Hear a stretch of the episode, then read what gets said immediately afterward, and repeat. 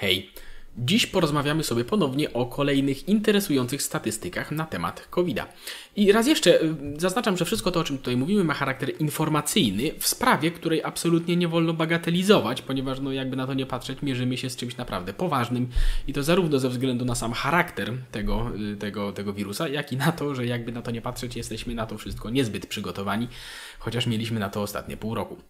Jednakże, tak jak mówiłem ostatnio, dobre chęci i podejście z troską do tego typu tematów to nie jest wszystko i trzeba patrzeć też na skutki nawet tych działań podejmowanych w dobrej wierze. I wydaje mi się, że w tym temacie trzeba zwrócić uwagę na kilka faktów i postawić kilka pytań. Na samym początku jeszcze takie małe sprostowanie. W moim poprzednim filmie na ten temat pojawił się błąd polegający na zestawieniu wskaźnika Infection Fatality Ratio dla covid z Case Fatality Rate dla grypy. To są różne wskaźniki i nie należy ich porównywać. Pod filmem jest sprostowanie i wyciąłem z niego też te pół minuty, gdzie o tym wspomniałem. Ale ogólnie zachęcam też, żeby samemu y, patrzeć, kiedy się czyta źródła, czy tego typu błędu nie ma, ponieważ z tego, co zwrócono mi uwagę, to jest podobno, ten błąd się pojawia y, często dość, więc, więc również zachęcam do, y, do pilnowania tego. A przechodząc już do tematu. Jeśli przyjrzymy się danym z Journal of the American Medical Association na temat śmiertelności w tym roku, to widać rzeczywiście, mamy, że mamy tu bardzo wyraźny wzrost śmiertelności w porównaniu do lat poprzednich, z uwagi oczywiście na wirusa, aczkolwiek jeżeli wejdziemy głębiej w te dane, to ponad 1 trzecia tych dodatkowych śmierci to są zgony niespowodowane koronawirusem. I autor badania, dr y, Steven Wolf, y, zaznacza, że oczywiście może tak być, że jakaś część z nich to są y, niezdiagnozowane przypadki który, ludzi, którzy faktycznie umarli na wirusa, ale na pewno nie może być ich aż tyle. To jest wielokrotnie za dużo. Dlatego należy zadać sobie pytanie, dlaczego ci ludzie umierają, dlaczego tak, tak istotny wzrost tych śmierci niespowodowanych wirusem jest, skoro to jest inny powód. I według badaczy są to ludzie, którzy mogli, którzy mogliby otrzymać pomoc, ale tej pomocy nie otrzymali ze względu na panującą sytuację. To znaczy w, zeszłym roku analogiczne przypadki były, ale wtedy dawało się tym ludziom pomóc, a teraz nie. Ze względu na utrudniony dostęp do usług medycznych, wiadomo, ale również ogólnie utrudnione poruszanie się po mieście, ogólnie y, wiele zaburzeń w funkcjonowaniu, nie tylko w funkcjonowaniu przestrzeni publicznej, ale również w funkcjonowaniu, y, że tak powiem, y, schematów życia danej osoby, co też na to wszystko wpływa. Na przykład widać w statystykach istotny wzrost śmierci z powodu chorób serca, jak również wśród osób chorych na Alzheimera i demencję.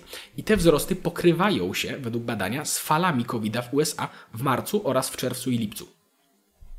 A dodatkowo ten wzrost ten wzrost zgonów według, według autorów badania to też nie jest koniec, ponieważ jest wyszczególnione, że na przykład osoby, którym nie zdiagnozowano jakiejś choroby, na przykład nowotworu, albo osoby, którym zaburzono leczenie, na przykład chemioterapię, jakieś leczenie, które wymaga y, regularnej regularnego, regularnych wizyt, to takie osoby nadal mogą umrzeć z powodu panującej sytuacji, ale na przykład dopiero za rok albo jeszcze później.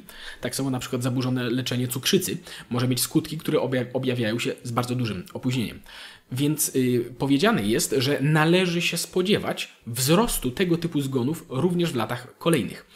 A stricte już w temacie zamknięcia przestrzeni publicznej, to też taka ciekawostka, i ona jest, rozumiem, że ona jest też y, charakterystyczna dla USA, ale też wydaje mi się, że warto na, warto na to zwrócić uwagę, że w czasie od marca do lipca tam zanotowano wzrost przedawkowania opiatów i leków antydepresyjnych o 123%, czyli ponad dwa razy więcej ludzi nadużywa substancji psychoaktywnych używanych jako leków. I to nie są śmiertelne przedawkowania, tak ci ludzie nie umarli, ale nadal jest to coś, co odbije się na ich zdrowiu, co potem będzie dodatkowym obciążeniem dla służby zdrowia i tak dalej. I ja wiem, że tego typu objaw jest prawdopodobnie dość charakterystyczny dla Stanów Zjednoczonych i ich, że tak powiem, konkretnych problemów, ale warto się temu, te, temu tematowi w ogóle przyjrzeć, choćby dlatego, że Chyba nie ma jeszcze danych o samobójstwach za ten rok, no ale niestety te dane kiedyś spłyną i może się okazać, że będą to kolejne dane tragiczne. A, a może nie, dopiero zobaczymy, ale jest to coś, czym, na, co ma, warto mieć na uwadze, kiedy się będziemy, kiedy będzie się badało ten temat.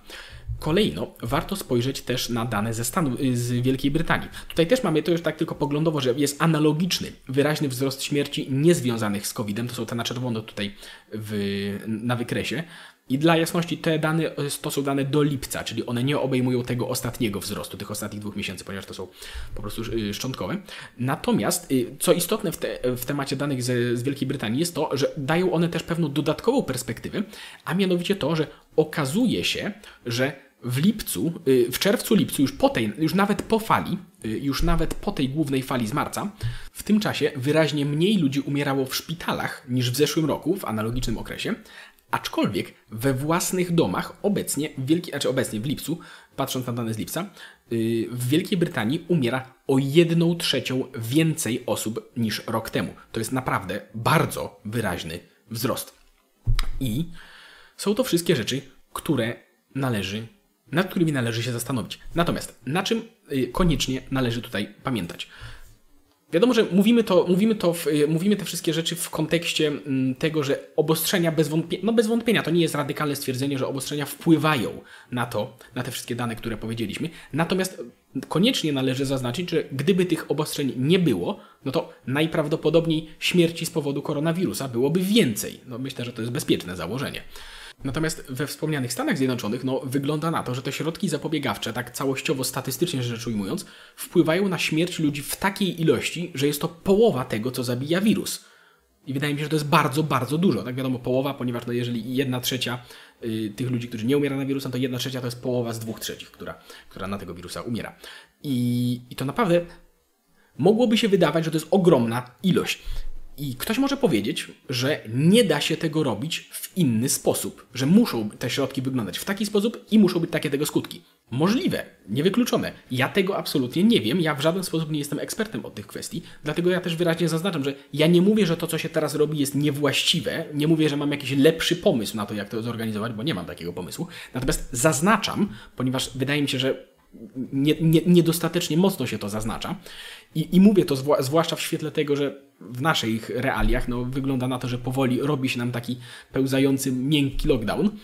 Zaznaczam, że taka forma obostrzeń ma swoje wyraźne, poważne koszty, poza kosztami ekonomicznymi nawet, ponieważ no to, że ludzie tracą pracę, niektórzy tracą środki do życia, to to jest zupełnie osobny, poważny temat, ale nawet pomijając te kwestie, no wygląda na to, że ta forma ma również koszt w życiach ludzi i to nie taki mały. I mówię to tylko po to, żeby zwrócić uwagę na to, że cokolwiek się w takich tematach robi, no to trzeba brać tego typu rzeczy uwagę, a ponownie mam wrażenie, że y, temat ten jest mniej widoczny tam, gdzie powinien być.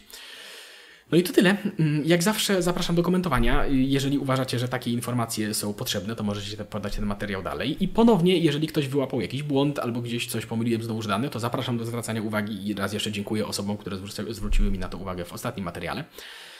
No i to wszystko. Do usłyszenia. Hej. Jeśli chcesz być informowany o kolejnych odcinkach, to kliknij dzwoneczek powiadomienia, żeby żadnego nie przegapić. A jeśli chciałbyś pomóc w tworzeniu takich filmów, to zapraszam do wsparcia nas na Patronajcie. Do usłyszenia.